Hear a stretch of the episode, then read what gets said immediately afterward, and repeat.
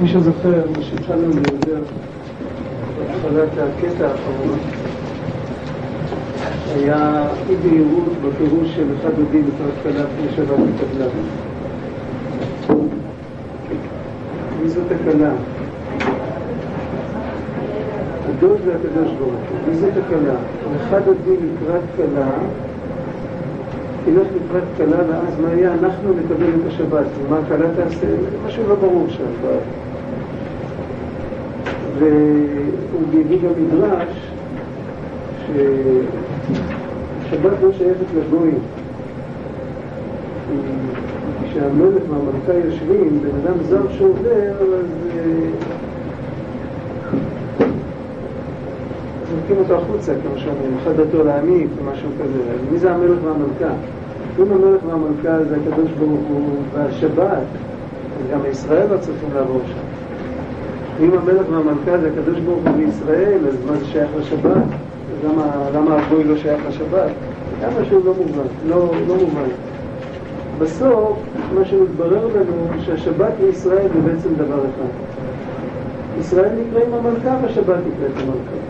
ועדיין לא הבנו מדוע. מה שהגענו רק, הגענו שבאמת אה, לכל, לכל יצור בעולם יש את הנפש שלו, ולכל אדם יש נפש, ולכל אדם בישראל יש נשמה בקדושה. אף על פי כן הוא אמר שיש הבדלים. ההבדל הוא שבכל העולם כולו מה שמתגלה זה הכוח של הקדוש ברוך הוא. אבל הקדושה והחוכמה האלוקית מתגלית בתורה ובנשמות. זה מה, ש... זה מה שאמרנו. ויש, איך הוא אמר בשורות האחרונות שגמרנו, ש... שהקדוש ברוך הוא הציל בעצם, האציל בעצם נשמה אחת גדולה, שזה נשמת ישראל, וכל אחד מאיתנו הוא פרט מאותה נשמה. הוא לא, הוא לא הזכיר כאן את השבת כמעט בכלל. ועכשיו הוא מתחיל להזכיר את השבת, נראה. אנחנו פה בעמוד רמ למעלה. בדפוס המנוקד על כל פנים. בהמשך למה שכרגע דיברנו, מכיוון שלא את כוחו בלבד מגלה הנשמה כנסת ישראל, לא את כוחו של הבורא בלבד היא מגלה, רק עצם קדושתו וחוכמתו כנזכר לעיל. לכן כינו קדושינו זיכרונם לברכה, ביטוי מיוחד, לא חכמינו קדושינו זיכרונם לברכה, את הנשמה הזאת בשם אישה. הנשמה הכללית הזאת של כל ישראל, נשמת האומה, היא נקראת כנסת ישראל והיא נקראת, היא הכלה, היא המלכה. שבת מלכתה, כנסת ישראל מלכתה. מדוע? כביכול, מה רואים באישה? כביכול כי מאיש לוקח הזאת עצם מעצמות בעלה ובשר מבשרו וגם חוכמתו וגם דעתו ואף החלק מוחו האישה של בשר ודם, במשל, מין בעלה מגלה על ידי הבנים אשר תלד. זאת אומרת, האישה יכולה להוציא את בעלה מהכוח אל הפועל בצורת מה יכולה להעביר את בעלה לדור הבא. רק האישה יכולה, הוא לבד לא יכול. והם הדברים שהאב מוריש את בנו, ומוח הבן ממוח האב. מה הנמשל מכל זה? המשל הוא פשוט, מה הנמשל מזה? הנמשל מזה, והיא כנסת ישראל, נשמת ישראל במרום, המטרונה של המלך, זאת אומרת המלכה של המלך, המתגלה באנשים הפרטיים מישראל. וכל ההתגלות אשר בכל העולם, זאת אומרת בכל העולמות, וכל הנשמות המתגלות בו, הכל בשבילה. כי על ידה כביכול הערת עצם המלך מתגלית. זאת אומרת כך, כל ה... למעשה, אף על פי שאצל הקדוש ברוך הוא אי אפשר לדבר על עיקר וטפל, אבל כל המערך, איך שהוא מסביר את זה, זה נשמע כמו כאילו שהקדוש ברוך הוא ברא עיקר וטפל. העיקר זה הקדושה והחוכמה, והטפל זה הכוח. ובכל העולמות כולם, מה שמתגלה זה הטפל. כל העולם כולו הוא רק כלי בלבד. איפה שמתגלה הקדושה זה הפרי, זה העיקר. כמו שניקח למשל בתוך הסדר יום שלנו. הקדמונים כתבו שהפרי של כל היום זה התפילה. זאת אומרת, איך שבן אדם, זה גם נכון הפוך, איך שבן אדם מתפלל ככה הוא מתנהג אחר כך. אבל איך שבן אדם מתנהג לפני זה, ככה הוא מתפלל. זאת אומרת, מתי הוא קוטף את הפירות של כל העמל שלו, שהוא עמל כל הזמן לשמוע בקול השם, חס וחלילה, לא לפגוע, לא לפגום בשום דבר. לא בעיניים, לא באוזניים, לא במחשבות, לא... מתי יכול לקטוף את הפירות? זה בתפילה. אם הוא נקי, אז התפילה שלו היא נקייה. התפילה שלו מחוברת. הוא מרגיש שעומד פנים אל פנים מול השם. זאת אומרת, כאילו שמנו את כל היום כולו, שזה העבודה, והתפילה זה הקטיף. זה הפוך ממה שאנחנו חושבים. אנחנו בדרך כלל מתייחסים לתפילה כאל אמצעי לקבל את מה שאנחנו רוצים. אבל יש אחד מהקדמונים שכתב, אני לא זוכר כרגע את שמו, ראיתי ציטוט. מה? מי כותב את זה? בכוזרי זה כתוב, אני לא זוכר. שהתפילה זה הפרי של עבודת כל היום. גרעין היום הוא פריו. גרעין היום הוא פריו, אז זה גם, אז שניהם נכון. אגב, הוא אומר את זה גם על שבת כלפי השבוע, אבל המועדים כלפי כל מה ש... כלפי כל השנה, כן. אז זאת אומרת שיש מציאות כזאת בעבודת האדם, ובאופן כללי בעולם כולו, אז האדם מישראל, מתי שהוא בוחר בטוב, והוא עושה את רצון השם בתוך העולם, הוא ממליך את השם על העולם, באותו רגע, אז הוא הפרי. מצד אחד הוא הגרעין, כי הכל נמשך ממנו, ואיך שהוא בוחר, ככה הוא מפעיל את כל העולמות. ואם הוא מתקן בתוך עצמו, אז הוא מתקן בכל העולמות. אם הבן אדם מתקן את, ה, את הדינים שיש לו בתוך נשמתו, את הדינים והגבורות, הוא עושה המתקת הדינים בתוך, בכל העולמות, עד שהוא מתקן את הדין של הצמצום הראשון, ויתגלה כבוד השם בכל הארץ ויבוא משיח. אם אנחנו, זה כתוב בדברי חז"ל, בפשטות. אם, אם, אם נתקן את שנאת החינם, אז תתוקן סיבת הגלות. אבל הגלות לא מתחילה מחורבן הבית, הגלות מתחילה מחטאו של אדם הראשון, שהוא לקח את הדין והגבורה שלמעלה והפך את זה לדין של הנחש. הוא קלקל את הדין, קלקל את הצמצום, ואנחנו צריכים לתקן את הדין.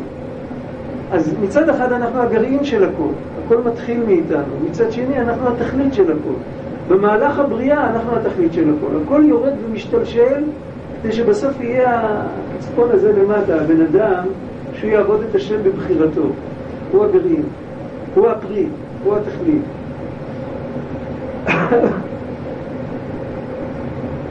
היות שאם כך, אז מובן מדוע כל העולמות נבראו לצורך ישראל. כתוב ברש"י, בתחילת התורה. כתוב בראשית, בית ראשית. זה לא הרש"י הראשון, אבל זה הרש"י על הפסוק הראשון. סוף הרש"י על הפסוק הראשון. כתוב בראשית בית ראשית, בשביל התורה שנקראת ראשית ובשביל ישראל שנקראו ראשית. התורה נקראת ראשית שנאמר השם אני ראשית דרכו, ישראל נקראו ראשית שנאמר קודש ישראל להשם ראשית תבואתו, ובשביל שתי הרשיות האלה, בשביל ששתי הרשיות האלה יתחברו יחד, שישראל יקיים את התורה, אז הוא צריך מקום היכן לקיים את התורה, הוא צריך ניסיונות ואתגרים וכל זה, אחרת הוא רובוט. אבל בשביל זה יש את כל העולם. וכמו שהמלך אומר למלכה, את הארמון ואת כל מה שמסביב, הכל בניתי בגללך. בשבילך, לא בגללך. כי על ידיה כביכול הערת עצם המלך מתגלה. מי שיכול לגלות את הקדוש ברוך הוא בעצמו זה רק היהודי. כל המלאכים וכל ההיכלות יכולים לגלות תמיד איזשהו פן. מלאך מיכאל מגלה שהקדוש ברוך הוא גיבור, הוא, הוא חסיד. מלאך גבריאל מגלה שהקדוש ברוך הוא גיבור, גבריאל לשון גבורה, וכן הלאה.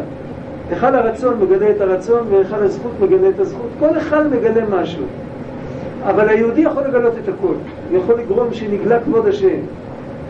ולגלות את זה איך שזה באמת, לא רק איך שזה מורצף עם כל מיני צעיפים וצמצומים וכל זה. וזה היה עיקר תכלית בריאת העולם וההתגלות בכלל. ומעתה כל עניינו ומהותו של האיש הישראל, אשר הוא חידה לכל העולם, כבר מובנים. הוא פתר חידה. מה החידה? במדרש איך הרבתי, תחילת, תחילת מדרש איך הרבתי, מצינו, כשאומות העולם תמהים ושואלים, מה זה שבני ישראל כל כך נהרגים ונשחטים עליו, וברצונם, על קדושת שמו יתברך, לסקילה שרפה הרג וחנק. לסקילה שרפה הרג וחנק את עצמם מוסרים. לא קראתי את זה נכון. מה זה שבני ישראל כל כך נהרגים ונשחטים עליו, וברצונם על קדושת שמו יתברך לסקילה שרפה הרג וחנק את עצמם מוסרים. עיין שם. אומות העולם תמהים הם לא מקבלים תשובה. ואם על זה בלבד אתם אומות העולם תמהים, עכשיו הוא פונה אליהם. הוא מדבר ישירות אל הגוי. נוסיף לכם אנו תמיהה על תמיהתכם והשתוממות עד כדי, להד... עד כדי להדהים על השתוממותכם. למה גם כל חייו של האיש הישראל חיים של מסירות נפש הם? רק איך שהוא מת אתם מתפלאים, תתפלאו קודם כל איך הוא חי. לא בלבד כאשר חס ושלום מתנסה לכפור באלוקיו, מדלג הוא כאייל על המוקד, רק גם כל חייו חיים של ניסיונות הם. מן צאתו מרחם אמו, עד נשימתו האחרונה נרדפו. זה נכתב בתקופה של שתי מלחמות העולם, בתקופה של בין שתי מלחמות העולם. אז הרגישו את זה, היום גם מרגישים את זה, מרגישים את זה בצורה אחרת, מרגישים את זה בדיוק אותו דבר. כל ראש לחולי וכל ליבו דווי. ומקדוש ישראל אף כחוט השערה לא יזוז. כן הוא כולו וכן הוא כל מהותו. גם דפיקת ליבו, נשימת נשמתו, מסירות נפש מלאים. זאת אומרת, הם מלאים מסירות נפש. לומד הוא את התורה, שומר שבת, מחנך את בניו לתורה, וכל שאר עבודתו להשם לא בשטחיות ולא כלאחר יד, רק הכל במסירות נפש. תחילת הקונטרס הזה שלמדנו, הוא דיבר על יגיעה מול ממילא. עכשיו הוא כבר מדבר על מסירות נפש. זה יגיעה עד כדי מסירות נפש. יש סיפור על רבי שמלקה מניקלשבורג, שאצלו, אלה שבאו ללמוד אצלו בישיבה שלו, לא היה לו ישיבה, היה לו בית ספר של גאונים כאלה, הם היו צריכים לדעת את כל הש"ס בעל פה. הוא פעם שאל מישהו, איך קוראים לך? הוא אמר, קוראים לי אלעזר. אז הוא אמר, כמה פעמים אלעזר יש בש"ס? אז הוא ענה לו. אז אמר לו, אבל נדמה לי שיש אחד יותר, אז הוא אומר, יש שם הגעה בצד שצריך להיות אליעזר. כאלה תלמידים היו לו. אז מספרים עליו שהיה שם, היה שלושה תנאים, היה שלוש תנאים בשביל להתקבל. אחד שידעו את כל הש"ס, אחד היה, אני לא זוכר את השלישי, אחד היה שלא הולכים לישון, נרדמים. לומדים עד שנרדמים. פעם הוא מצא מישהו שוכב על ספסל, היה מקופל הטלית, אה, לא הטלית, המעיל שלו היה מקופל מתחת לראש. אז אחר כך הוא קרא לו ואמר לו, אם היה לך עוד כוח לקפל את הטלית, אז איך הלכת לישון? טוב, זה סיפורים. עכשיו, למה סיפרו? קודם כל, אף אחד לא יודע אם הסיפורים האלה, זה לאו מר ברבשי חתום על הסיפורים האלה. זה סיפור שמספרים אותו אצל חסידים, אי אפשר לדעת, אבל על כל פנים, הנקודה, עצם העובדה שסיפרו סיפורים כאלה, זה מראה על האופי היהודי, על, על העניין של עד כלות הנשימה. ולפעמים צריך אפילו לעצור את זה. לפעמים אסור לתת שזה יהיה. אבל על כל פנים, מצד הנשמה זה ודאי כך. את זה הגוי עוד יכול פחות להבין מאשר להבין מסירות נפש. לחיות על מסירות נפש זה הרבה יותר מאשר למות על מסירות נפש.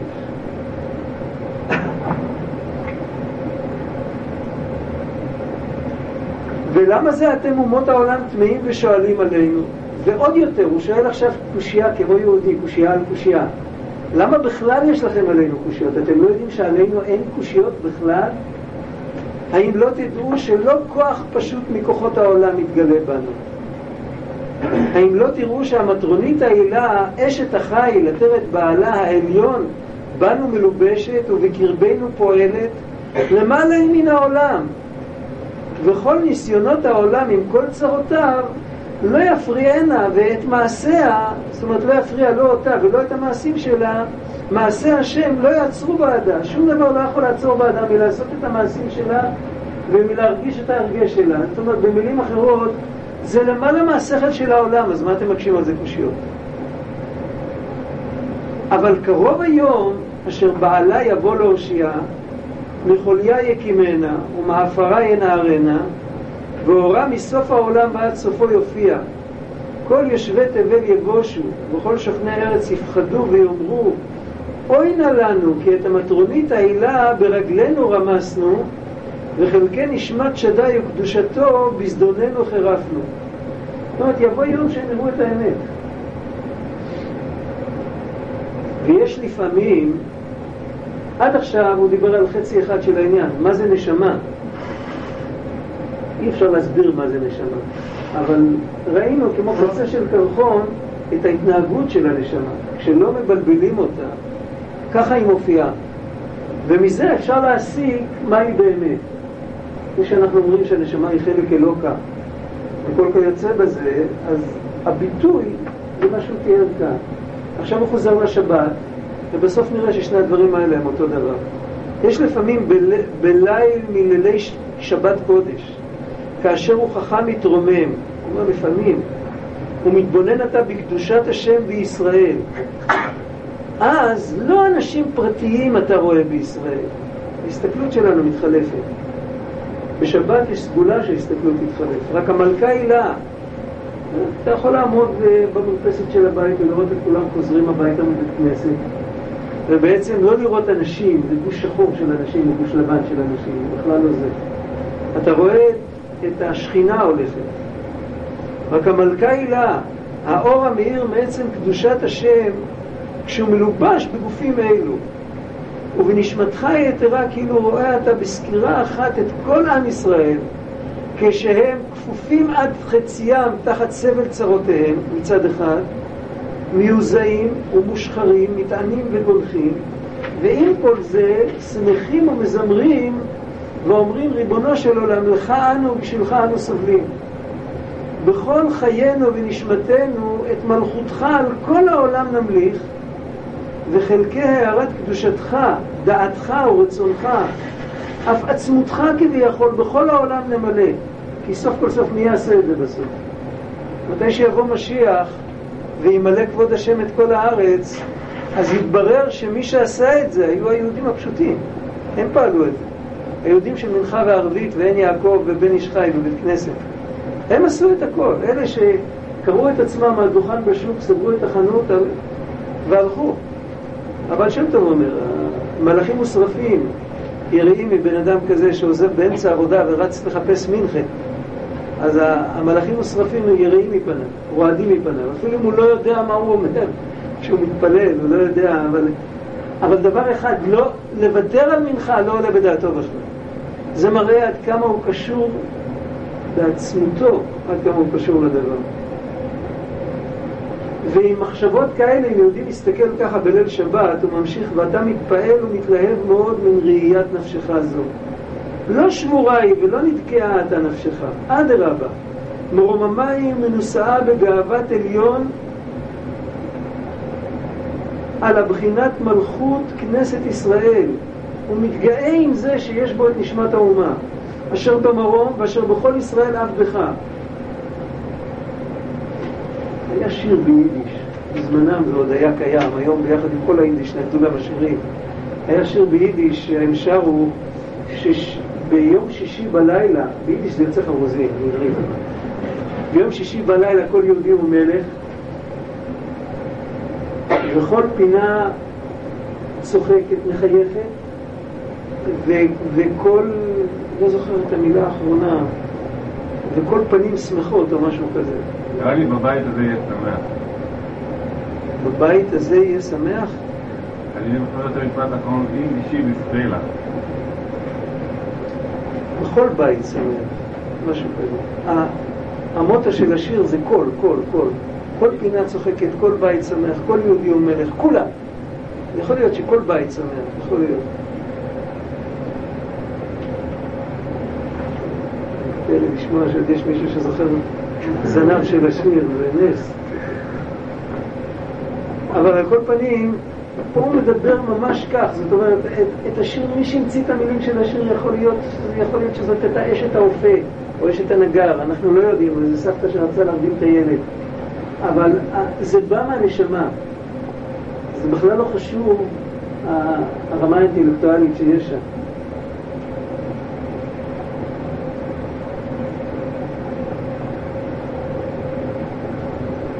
ומשתוקק את נפשך לשיר לשירה ולדבר להשם עליה. יהודי רוצה לדבר עם השם על מי? על השכינה. לשבח את השכינה, לשיר שיר לשכינה. הם כבר אמרת אשת חיל, וכבר עשית קידוש, אבל עוד לא נתקררה דעתך. הולך אתה אל החלון, מעניין התיאור, ועיניך נשואות למרום אל היושב שמיים, וכאילו לא בבחירתך, נפשך מעצמה מקרבך מזמרת להשם. ריבונו של עולם, אשת חיל כזו, כמו השכינה הקדושה, מי ימצא?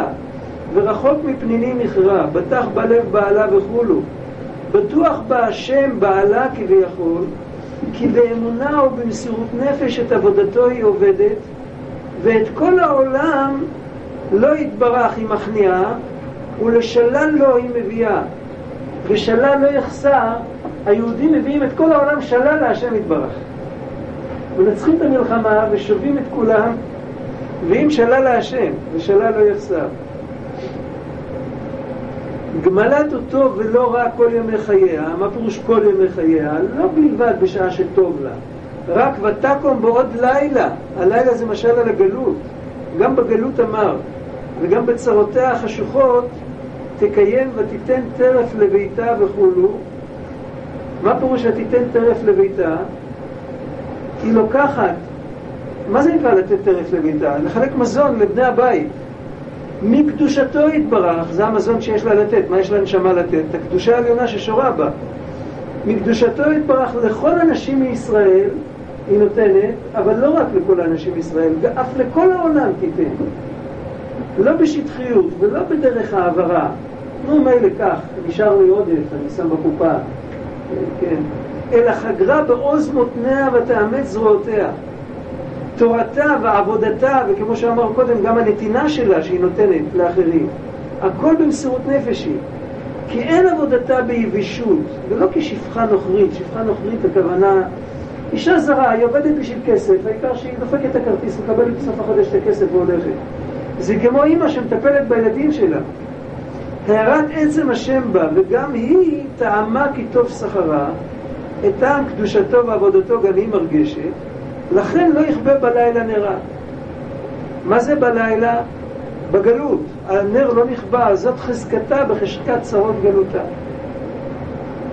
נודע בשערים בעלה. עכשיו, מה זה נודע בשערים בעלה? בעלה זה הקדוש ברוך הוא. מי מודיע את, את בעלה? זאת אומרת, זה כאילו, הוא מתאר אישה שהיא אשת חיים. אחר כך הוא כותב, נודע בשערים בעלה ושבטו עם זקני הארץ. כולם מכירים אותו כי הוא יושב עם זקני ארץ. אז מה זה המעלה שלה? מה, למה זה חלק? זה כאילו, אפשר לפאר אותה שיש לה בעל מפורסם. מה זה חלק מהשבחים שלה? אז הוא אומר כאן שהיא מוציאה אותו מהכוח אל הפועל, היא מגלה אותו. הוא לא יושב עם זקני ארץ, הוא יושב בודד. היא מוציאה אותו ומפרסמת אותו בשערים. מה זה העניין? זה העניין שבני ישראל מגבים את האלוקות של הקדוש ברוך הוא לכל בני העולם. ריבונו של עולם, מי מודיע את שמך בעולם אם לא כנסת ישראל? ומי מקדש את קדושתך אם לא אנחנו בניך? ולא בהכרח, בהכרח הכוונה עם מצב רוח רע, עם כפייה, אנו את סבלותיך אנו סובלים, ולא בקדוש, בתוגה, בשביל קדושתך אנו מתענים, רק בשמחה ובהתחזקות. זאת אומרת, אנחנו סובלים בשביל השם יתברך עם שמחה. זה סימן של אהבה אמיתית. עוז והדר לבושה, ותשחק ליום אחרון של חייה, ביודעה שכל ימי חייה את עבודתך באמונה עבדה ואת שמך הקדוש קידשה. פיה פתחה בחוכמה, חוכמת השם, ותורת חסד, תורת השם תמיד עד השונה.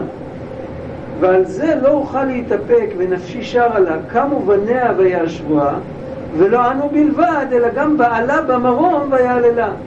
הן רבות בנות עשו חיל, כל הנפשות שגילה השם בעולם מגלות את כבודו יתברך, גם הנפשות של הצומח וגם הנפשות של הדומם, וגם המלאכים בשמיים, כולם מגלים את כבודו של הקדוש ברוך הוא. מה מיוחד בכנסת ישראל? אבל ואת עלית על כולנה, כי כולן רק ניצוץ הערת כוחו יתברך מגלות. המקסימום שהם יכולים לגלות זה לגלות לנו אודות עוד כוח של השם. אני רואה צמח, אני יודע שהשם יכול לעשות אותו. והיא את עצמו דעתו וקדושתו כביכול. כנסת ישראל מגלה סוף סוף, אנחנו עדיין לא גילינו, אבל זה העניין שלנו, לגלות את הקדוש ברוך הוא בעצמו. סוף כל סוף הקדוש ברוך הוא יתגלה בעולם, בזכות בני ישראל. אישה יראת השם היא תתעלה. לכן ריבונו של עולם, תנו לה מפרי ידיה, זאת בקשה לגאולה. הקם אותה מההפרה, ותמהר להושיע מצרותיה וגלותה. עכשיו, למרות שהוא מבקש על הגאולה, והוא מזכיר את המסירות נפש, והוא רואה את כל בני ישראל דבויים וסחופים, ואיך הוא אמר קודם, בעמוד הקודם למטה, אה, כפופים עד חציים תחת סבל צרותיהם, יועזים ומושחרים, מתענחים וגונחים. אף על פי כן, כשהוא מסתכל עכשיו, היהודי בליל שבת, לא שפלות ישראל כשהם בזויים ושפלים, אתה רואה אתה, ולא מרחמנות עליהם. לא שאתה שר להם מתוך רחמנות, מתוך הזדהות עם הסובלים, עם המסכנים, לא זה הנקודה. ממעמקי נפשך שירת האשת חי לא אתה, רק גדלות אתה רואה. יכול להיות שהוא מתכוון אחרת. ולא מרחמנות עליהם ממעמקי נפשך שירת חי לא אתה, רק מה, גדלות אתה רואה. אתה לא מרחם, להפך, אתה שמח איתם. כשהם דבויים וסחופים ואף על פי כן הם עובדים את השם, אין להם כלום, אבל יש להם את הקדוש ברוך הוא. יש כאן איזה עניין, לא יודע, בולט, זה בולט מאוד בסיפורי מעשיות, אז לא דיברנו על זה. זה היה קצת רחוק אה, להיכנס כל כך... אה, עכשיו אפשר יותר לדבר על זה. בסיפורי מעשיות שקראנו בסיפור הראשון, מי שרואה את המהלך של הסיפור, סיפור של הלידות, כולם נאבדים שם. או, שמאב, או שנאבדים או שמאבדים משהו. ברגע שמוצאים משהו, אז אוי ואבוי. מוצאים תפוח אז נרדמים, מוצאים כוס יין נרדמים עוד יותר. אבל כל הזמן שמאבדים הכל בסדר. הבת מלך נאבדת, אז יש סיפור. אחר כך השני למלכות מאבד את המעמד שלו, הופך להיות נווט במדבר. הוא הולך, מתחיל לחפש אותה. אחר כך ממשיך הלאה, הוא מאבד את הביטחון האישי שלו, נכנס לתוך המבצר. אפילו את אפשרויות המילוט שלו הוא מאבד, הוא, הוא, הוא, הוא משאיר את החוץ, את הסוס בחוץ בלי השגחה. אחר כך הוא מוותר אפילו על המשרת שלו. אחר כך הוא מוותר על השכל הישר, באים שלושה אנשים כאלה, מנהיגי עולמות, ואומרים לו, אין בעולם דבר כזה, אתה מחפש דבר שלא קיים, והוא זורק את הכל, הוא מאבד ממש את הכל, לא אכפת לו. דבר אחד הוא מחזיק, את האמונה. הוא מחזיק את האמונה שאף על פי כן אני יודע שהיא בוודאי נמצאת, כי כך אמרו לו. אז את קול שלך אתה, אתה זורק, ואתה שומר נקודה אחת שהיא לא שלך בכלל, מה, איזה מין עניין זה? אבל האמת היא, שאם חושבים טוב, אם חושבים טוב, יש, יש שם את, ה, יש את הסיפור בסוף הספר של סיפורי מעשיות, יש שם כמה סיפורים של לא למדנו אותם. יש שם סיפור אה, על נורת החסרונות. הסיפור עצמו הוא סיפור, יש, צריך, יש הרבה מה ללמוד ממנו. אבל בסוף יש הערה. כתוב שם שכשיודעים חסרונות של משהו, אפשר להבין אותו, אפשר לדעת את המהות שלו. זה דבר לא מובן. תשאלו אותי, מי זה פלוני, מה, מה העניין שלו? אני אגיד, הוא לא יודע סינית. אז מה אני יודע עליו? מה אני יודע עליו? אני יודע חיסרון, אני לא יודע עליו כלום. הוא ישר, הוא רמאי, הוא... מה אני יודע? לא מובן כל כך. אבל האמת, אם נחשוב, האמת זה כתוב בדרך השם, דיברנו על זה פעם, דיברנו על זה יותר מפעם, בדרך השם, הרמח"ל אומר, שבעצם השם ברא חסרונות. כי המעלות של הכל הן מעלות יחסיות. אני, יש לי מעלה על העמוד הזה שאני משתמש בו, על הסטנדר, על השולחן, זה, זה לא, זאת אומרת, בסדר, לגבי, אם אני אסתכל לגבי עצמי, לא לגביו, איך אני הייתי בשורש. אז מה נברא? הרי בשורש יש את הכל. יש תוכנית על כל העולם. במחשבה של הקדוש ברוך הוא, הקדוש ברוך הוא שיער בעצמו כל מה שעתיד להיות. הכל היה בכוח והכל יצא אל הפועל. איך אתם מבינים? איך זה היה נראה כשהוא שיער בעצמו את הכל, בתוך עצמו? איך זה היה? זה היה אינסופי. כל אחד מאיתנו, בכל חפץ שיש, בכל העולם, בכל העולמות, הכל היה אינסופי. בתוך מחשבתו של הבורא, הכל אינסופי. רק אחר כך יש ריבוי צמצומים עד שזה יוצא אל הפועל, וזה נהיה ככה. אז מה התחדש? המעלות התחדשו, החסרונות התחדשו. מה שהתחדשו זה החסרונות. זה כמו שמישהו מגלף. בהקדמת הזוהר כתוב שבתחילת העולם הקדוש ברוך הוא גילף, גל הגליפו. זה התחלת הזוהר, אחרי ההקדמה. הזוהר של בראשית מתחיל ברשע ומילותא דמלכא גל הגליפו ותראו אלה. תחילת רצון, תחילת רשות המלך, דיברנו על זה פעם. תחילת הרשות שהשם נתן לעולם להיברא, כביכול, אז הוא, הוא גלף גלופות. שם הכוונה שהוא חקק חוקים, אבל, אבל אפשר גם להכניס את זה, שהוא גילף. זאת אומרת, כשאני מגלף משהו, אני לוקח בול עץ, אני עושה ממנו קערה או כוס. מה אני עושה? אני מוריד את המיותר, אני מוריד את מה שלא רלוונטי, מה שלא צריך להיות. בשביל התפקיד שלי אני צריך שלא יהיה לי רוח הקודש, שאני לא אדע מחשבות, שאני לא אהיה מלאך, שאני לא אוכל לעבור דרך הקיר. אני צריך מיליון חסרונות. ממילא נשאר לי קצת מעלות, יש לי קצת חוכמה, אני יכול קצת לחשוב משהו, בסדר. זה מה שהשאירו לי כדי שאני אוכל לקיים את התפקיד שלי. הקטינו את האש עד הסוף, רק שהיא לא תכבד. עכשיו, אם נסתכל עם עיניים כאלה, אז כל המעלות שבני אדם מתהדרים בהן, וראש ממשלה, וזה נשיא ארצות הברית, וזה על שמו קרוי כוכב ברקיע, וכל אחד, למעשה זה, זה הכל, זה רק המגבלות שלהם. אם הם היו מסכימים להתפרק מכל זה, כלום, להגיד בידך הפקיד רוחי, אני לא יודע כלום, איך אמר רבי נחמן, ביטול זה שסוגרים את העיניים וסוגרים את הפה, זאת אומרת, אני לא נותן ולא מקבל. אני איננו, אני לא... אני בידך, כי בידך נפש כל חי.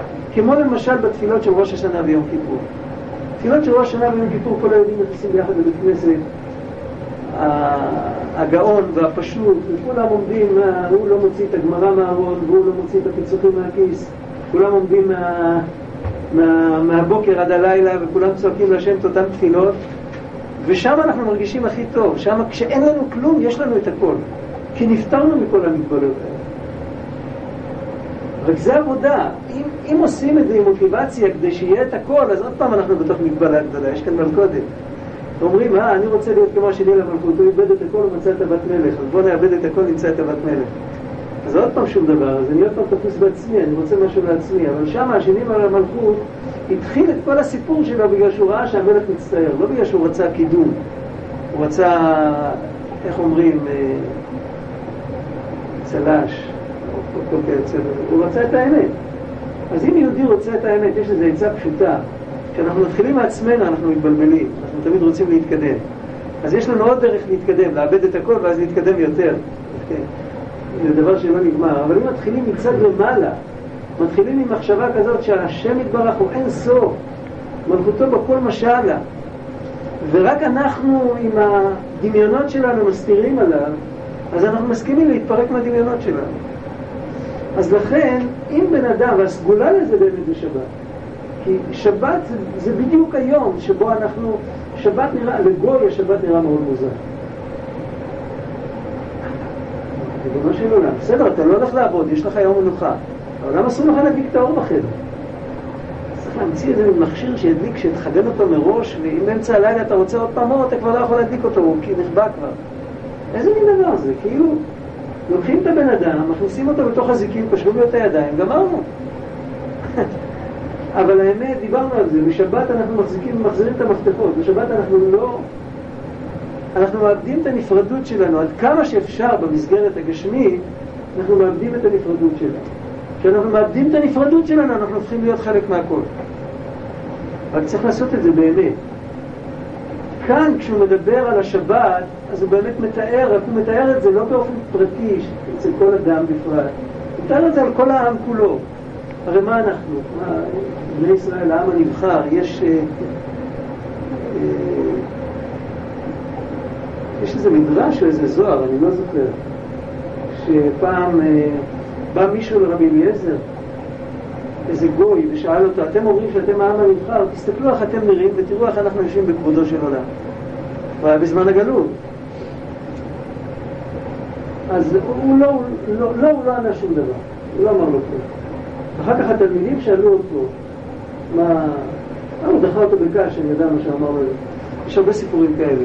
אחר כך התלמידים שאלו אותו, מה התשובה באמת? אז הוא אמר, אתם לא מבינים, הלב מרגיש מכל כאב, הלב, המוח, מרגישים מכל כאב שיש בכל מקום בגוף. מה? זוהר. אה? זוהר.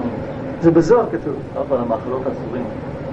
איך אנחנו אוכלים כמו שהתורה עשה, ואנחנו חזקים, ואתם אה. אני חושב שזה סיפור אחר. במקום שאלו את התלמידים. כן. איפה זה בזוהר?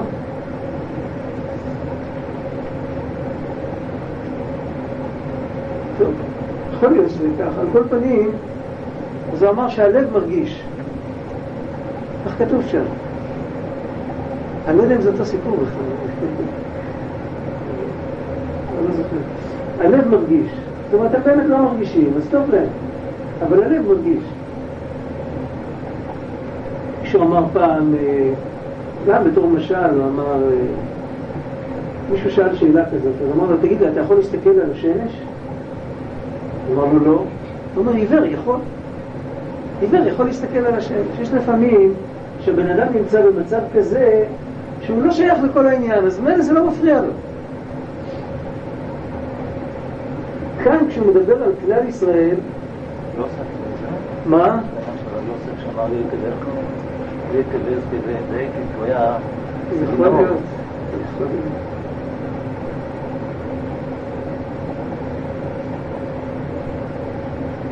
אבל בשביל זה הוא אומר כאן שהוא רואה את הגדלות.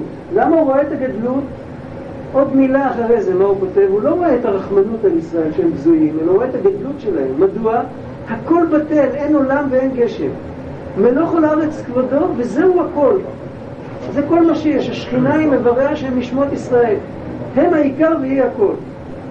וכך כתוב בתהילים, אני אמרתי אלוקים אתם. וגם את עצמך בשעה זו מעט לאחד מבני אלוקים אתה רואה. השכינה, כנסת ישראל, שוכנת בך ואתה בא. לא עונג ולא שמחה אתה מרגיש בשעה זו, רק ביטול העצמיות. רק הוא מוסיף מיד לפי מצבך. אז כמובן לא מדובר על ביטול כמו האבות או כמו הנביאים, אבל ביטול העצמיות כל אחד לפי המצב שלו. טהרה ועלייה יותר מערכך ואשריך וטוב לך בזה ובבא. עכשיו, איך כל זה התחיל? הוא הגיע כאן באמת קפיצה בבת אחת. אף פעם לא דיברנו ככה. אומרת, דבר כזה שפתאום מעלים בן אדם לכזה מקום, והוא לא אומר בוא אני אעלה אותך, תן לי יד, תגיד איזה פסוק או תעשה איזה סגולה ואתה תעלה. זה עבודה של הבן אדם בעצמו. מה הוא עשה? הוא התבונן בקדושת השם ובקדושת ישראל. זה מה שהוא עשה. והוא עשה את זה בשבת. אז כנראה שזה הסיוע. להתבונן בקדושת השם ובקדושת ישראל בשבת. במקום זה אפשר לשבת בליל שבת ולדבר דלתוריה על ישראל. על כל מיני. מצווה לדבר על השמאלנים, זה מצווה לדבר, נכון? מצוות עשה דאורייתא. אבל עוד כל מיני כאלה. אז צריך לדעת שהזמן הוא להפך. הזמן הוא לראות את הטוב שיש בכל יהודי, הזמן של שבת. ואז הטוב שבנו גם מתגלה. אין את כל פרטיות הפסוקים באשת חיל לא תבין. גם לפי כל הפירוש הנפלא שהוא כתב על אשת חיל, אי אפשר להבין את כל הפסוקים, הוא דילג. מפני שאת כל עניין בחינת המלכות וכנסת ישראל לא תבין. זה עניין גבוה, אבל כבר משלנו לך משל מן איש הפשוט, הרואה מבצר, תחילת הפרק הזה זה היה, שאף שאת כל פרטיותיו לא ידע ואין ידיעתו שלמה, מכל מקום, את הקומץ אשר הוא יודע, הידיעה האמיתית היא. אנחנו לא צריכים להיות פרפקציוניזם. פרפקציוניסטים. מה שאנחנו יודעים על המלכות האלוקית זה נכון. אנחנו לא יודעים אותה בתכליתה, אבל מה שאנחנו יודעים זה נכון. הקצת הזה כבר מספיק לנו בשביל שאנחנו נעלה למקום אחר לגמרי. אם אדרבה, אם היינו צריכים יותר, היו מגלים לנו יותר. וכשאתה אומר הדברים הללו, אם, זאת אומרת, איזה דברים? אתה אשת חי. אם בלב הנפש כנזכר לאל תאמרם, תאמרם, ייחוד גדול אתה מייחד בזה למעלה. כי בחינת המלכות כנסת ישראל המתגלה באנשי ישראל בעבודתם תלויה. המלכות יכולה גם להסתתר, היא לא חייבת להתגלות. במה זה תלוי אם המלכות מתגלה? זה שהמלכות תתגלה בכל העולם זה יהיה בביאת המשיח. אבל אם המלכות תתגלה עכשיו בתוך הנשמה שלי, זה תלוי איך שאני מתנהג. אם עובדים הם את השם ומקדשים את שמו בקרבם ובכל אבריהם, כל אחד כמה שהוא יכול, אז קדושתו יתברך מתגלה בהם ונשמת ישראל במרום, נשמה טהורה מתייחדת בהשם יתברך, אורו נאצל בה ועל ידה באנשי ישראל כנזכר לעיל. זה מבוסס על הזוהר. כתוב בזוהר שהשכינה מתפארת כשהיא רואה שיהודים למטה עובדים את השם, אז היא אומרת, תראה איזה ילדים טובים נתתי לך, כמו שאימא מתפארת עם הילדים לפני האבא. תראה כמה טוב חינכתי את הילד שלך. ואז האהבה שנמשכת מהקדוש ברוך הוא לשכינה, היא בסוף, מי גרם אותה? היהודי למטה, אז הוא מקבל חלק בראש.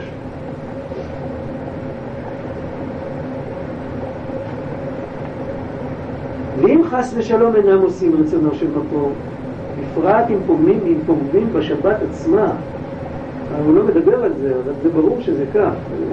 אם אינם עושים רצונו של מקום, ואין קדושתו, דעתו רצונו יתברך מתגלים בישראל, אז לא בו ונשמתו בלבד פוגם האיש, אבל גם בנשמת ישראל במרום, מבחינת המלכות כנסת ישראל.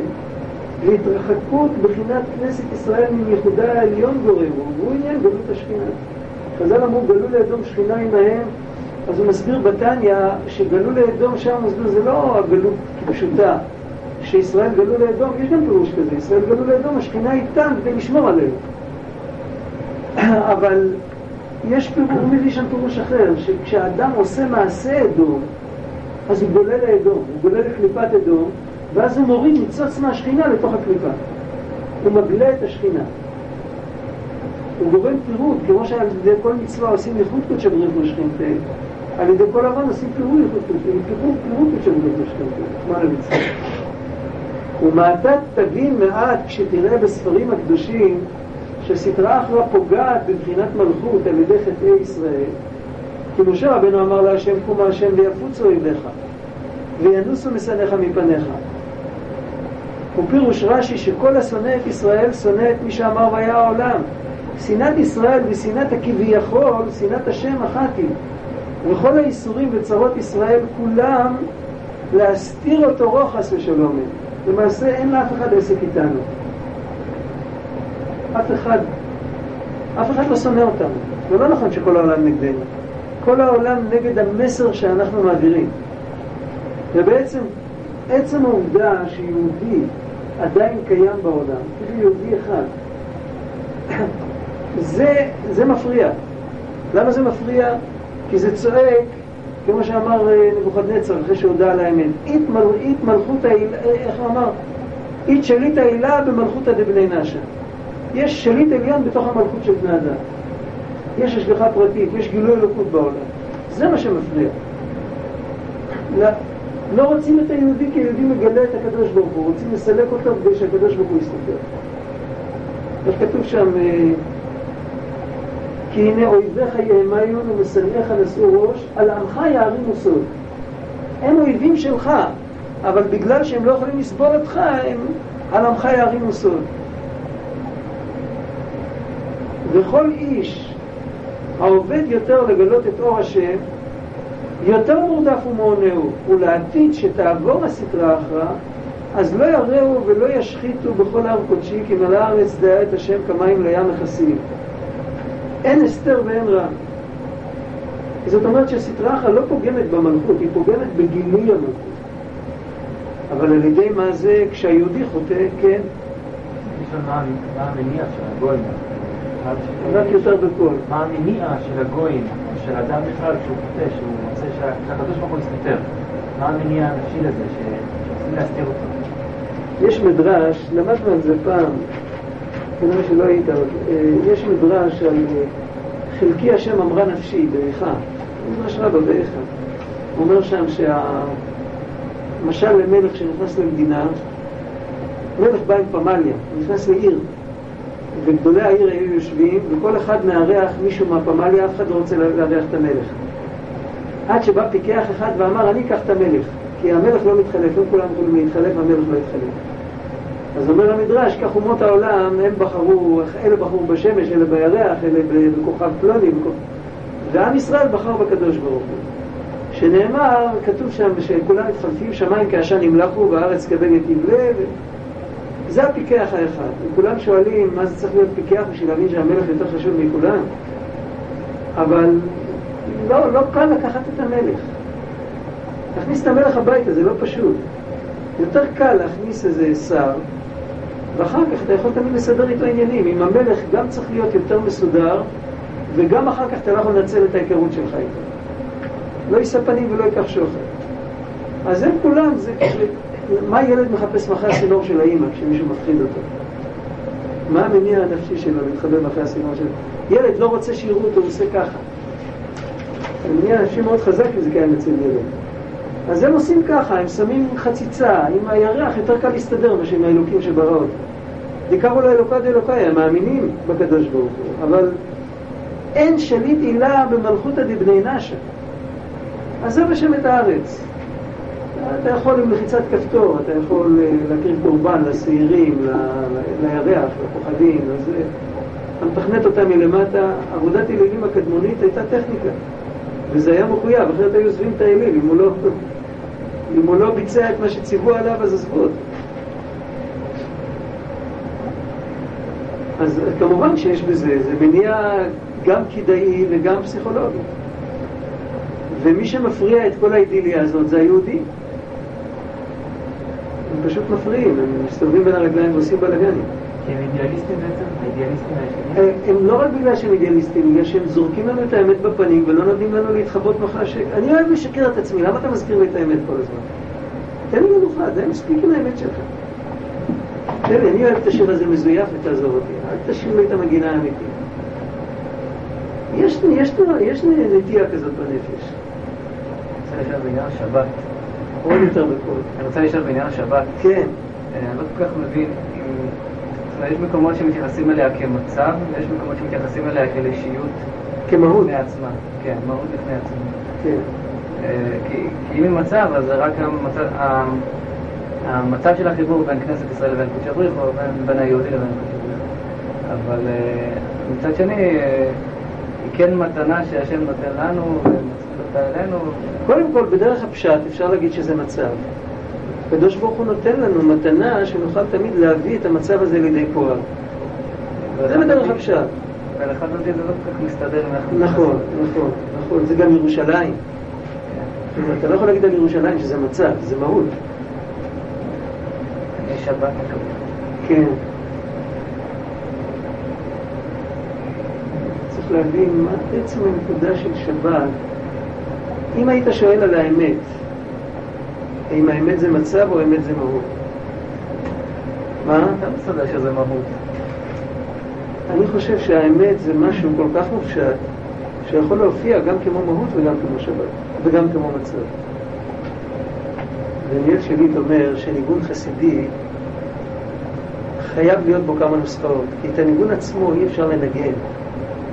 אז כשמנגנים אותו, תמיד מנגנים רק וריאציה. הניגון עצמו הוא רוחני לגמרי. אתה לא יכול להתנגן דרך פה של בן אדם. וזה מאוד נכון. מי, ש... מי שיודע להרגיש ניגון, ניגון אמיתי, המושג אמת זה, זה משהו כל כך טוטאלי. המילה אמת היא הרבה יותר עמוקה מהמילה מציאות. זה משהו כל כך טוטאלי ש, שזה קטן עליו ההגדרות האלה של מצב או מהות.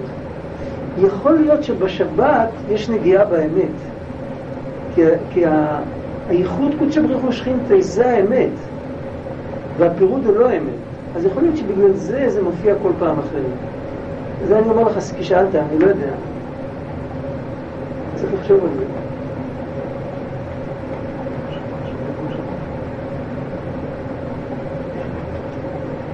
גם השכינה בעברית, השכינה עצמה היא כמו מצב.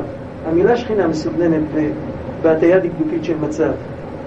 שכינה כמו עמידה, ואנחנו מתייחסים כמהות, מלכות. על פי פשוט הדבר הוא כך.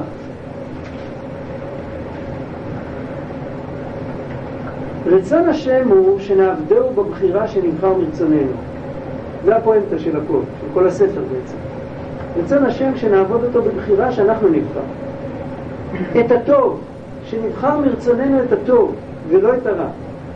ואם היה גם בעולם הזה התגלות אלוקית באותה מידה כי בעולמות אצילות, בריאה ויצירה, לא היה שום חטא ונמיכות הפך מרצון השם. אפשר, לכן הוא עשה צמצום והסתר כל כך. אה, לא היה שום חטא ונמיכות הפך מרצון השם, אפשר. לא היה אפשרי. לכן עשה הוא יתברך צמצום והסתר כל כך, עד שיהיה אפשרות לעשות רע חס ושלום. ומכל מקום, ואף על פי כן, לא יעשה האיש את הרע, אלא יבחר בטוב. זה התכלית של כל הצמצומים, ולא עוד, אלא שעשה השם את היצר הרע שיפתה אל הרע, וכוונתו לטוב שלא ישמע לו האדם. ואם כן, גם הרע, שהוא ההסתר, וגם היצר הרע בראשיתם טוב היו. מה פירוש בראשיתם טוב היו? הפנימיות הכוונה, זה שהשם בורא אותם, זה רק לטובה. ורק לבושם היה רע. ולא רע בעצם, אלא מוסתרים היו בלבוש היה נראה לרע. אין רע. זה המסקנה, אין רע. היצר הרע הוא אתגר. איך דיברנו פעם על הקיר? הקיר שעומד באמצע המסלול, מסלול מכשולים, עומד קיר. וכל הקיר נוצר כדי, שנע... כדי, כדי שאנחנו נהפוך בני אדם כאלה שיודעים לעבור על קירות. לא כדי לעצור אותנו, אלא כדי לקדם אותנו הרבה יותר ממה שקודם. אז הוא לא רע, אבל הוא מוסתר בלבוש שנראה לרע.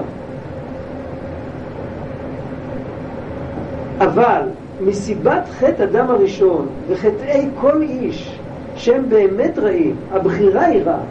אם בן אדם בוחר שהקיר הזה יעצור אותו, הבחירה שלו היא רעה, הפך מרצון השם, ומסיבות עוד אחרות האמורים מהארי זיכרונו לברכה, נעשית הסטרא אחרא באמת רע. מה פירוש כאן נעשית הסטרא אחרא באמת רע? איך זה עובד, איך דבר יכול שלא רע נהפך לרע? הנקודה היא כזאת, תמיד הפנימיות היא טובה, ותמיד החיצוניות היא רעה. רק כשאנחנו דנים על המהות, אז כל זמן שהבן אדם לא חוטא, אז ביד הבן אדם יש את המפתח של העולמות. כשהבן אדם לא חוטא, אז הוא מגביר את הפנימיות על החיצוניות. כשבן אדם חוטא, הוא מגביר את החיצוניות על הפנימיות. איך אפשר להגביר חיצוניות על פנימיות?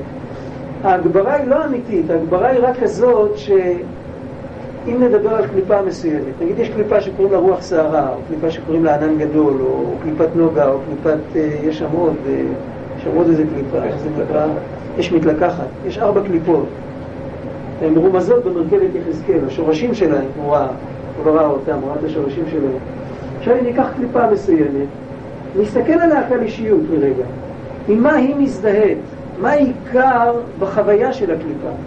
האם העיקר זה הפנימיות, והיא בעצמה מעמידה פנים ובאה לפתות, או שאצלה היא כבר מזדהה עם הפיתוי והיא רוצה רע. רק בפנים יש בגלות, יש שם איזו נקודה טובה שהיא בעצמה לא מכירה את זה. זה שני מצבים. אם נדבר על בן אדם זה ודאי ככה. יכול להיות חבר שבא לפתות אותי לרע והוא בא לנסות אותי, ויכול להיות שחבר שהוא חבר רע והוא בא לפתות אותי, והקדוש ברוך הוא רוצה לנסות אותי. אבל החבר לא יודע שהשם שלח אותו. זה ברור שני המצבים האלה. עכשיו, איך זה בקליפה? זה תלוי. אם אדם הראשון לא היה חוטא, אז הקליפה עצמה הייתה כמו קליפה של תפוז. היא הייתה קליפה שהייתה מזדהית עם השליחות שלה לשמור שהכל יהיה בסדר. חלק מזה שהכל יהיה בסדר זה שיפתו בני אדם. אז אלה הם כללי העניין. מה שאין כן, אחרי שבן אדם חוטא, הוא מחזק את השקר, שהשקר ייראה כמו אמת. הנה עובדה, חטאתי ולא מתתי על המקום, מה, מה אתה עוד רוצה? עכשיו, אנחנו בבחינת המוציא מחברו עליו הראייה. עכשיו הוא המוחזק ואנחנו המוציאים. כן, עכשיו השכל של העולם הוא הקובע, כאילו, הוא, הוא הספונטני, הוא הפשטות, הוא המובן מאליו. ברגע שהשכל של העולם הפך להיות מובן מאליו, הקליפה מזדהה עם זה, אז אה, זהו, אז הכל, אה, מותר הכל. אז, כבר בא, אז הקליפה עכשיו באה לפתות עם כל הלב. עכשיו הוא אומר שני דברים, הוא אומר חטאו של אדם הראשון, והוא אומר אחרי זה חטאים של כל איש. זאת אומרת, אצל כל אחד, אם הוא לא חוטא, אז בבחינה פרטית, או בבחינה מסוימת קצת יותר דומה לכמו שהיה העולם לפני חטאו של אדם הראשון. אז הקליפה אצלו היא פחות, היא פחות מפתה אותו עם כל הלב. היא יותר מפתה אותו כמו אחד שמעמיד פנים ומפתה אותי כדי להעמיד אותי בניסיון. מה שאין כן, אחרי שאני פעם אחת נכשל, עכשיו היא כבר, כבר באה לפתות אותי עם כל הלב, כי היא השתנתה לרעה. זה ברור. אני לא יודע אם הסברתי את זה עד הסוף, אבל אולי, אולי נדבר על זה פעם הבאה עוד פעם. קצת, הזמן הוא קצת לחוץ. עד שלעתיד הרע הזה שנתווסף בהם הוא ביצר הרע, הרע הזה שנתווסף בהם הוא ביצר הרע, יעביר השם וישחט את חלק היצר הרע הזה, ורק הטוב שבו יתעלה. אנחנו נשאיר את זה פה, אולי נחזור על כמה שורות האחרונות עוד פעם. אבל מספר חטא אדם הראשון.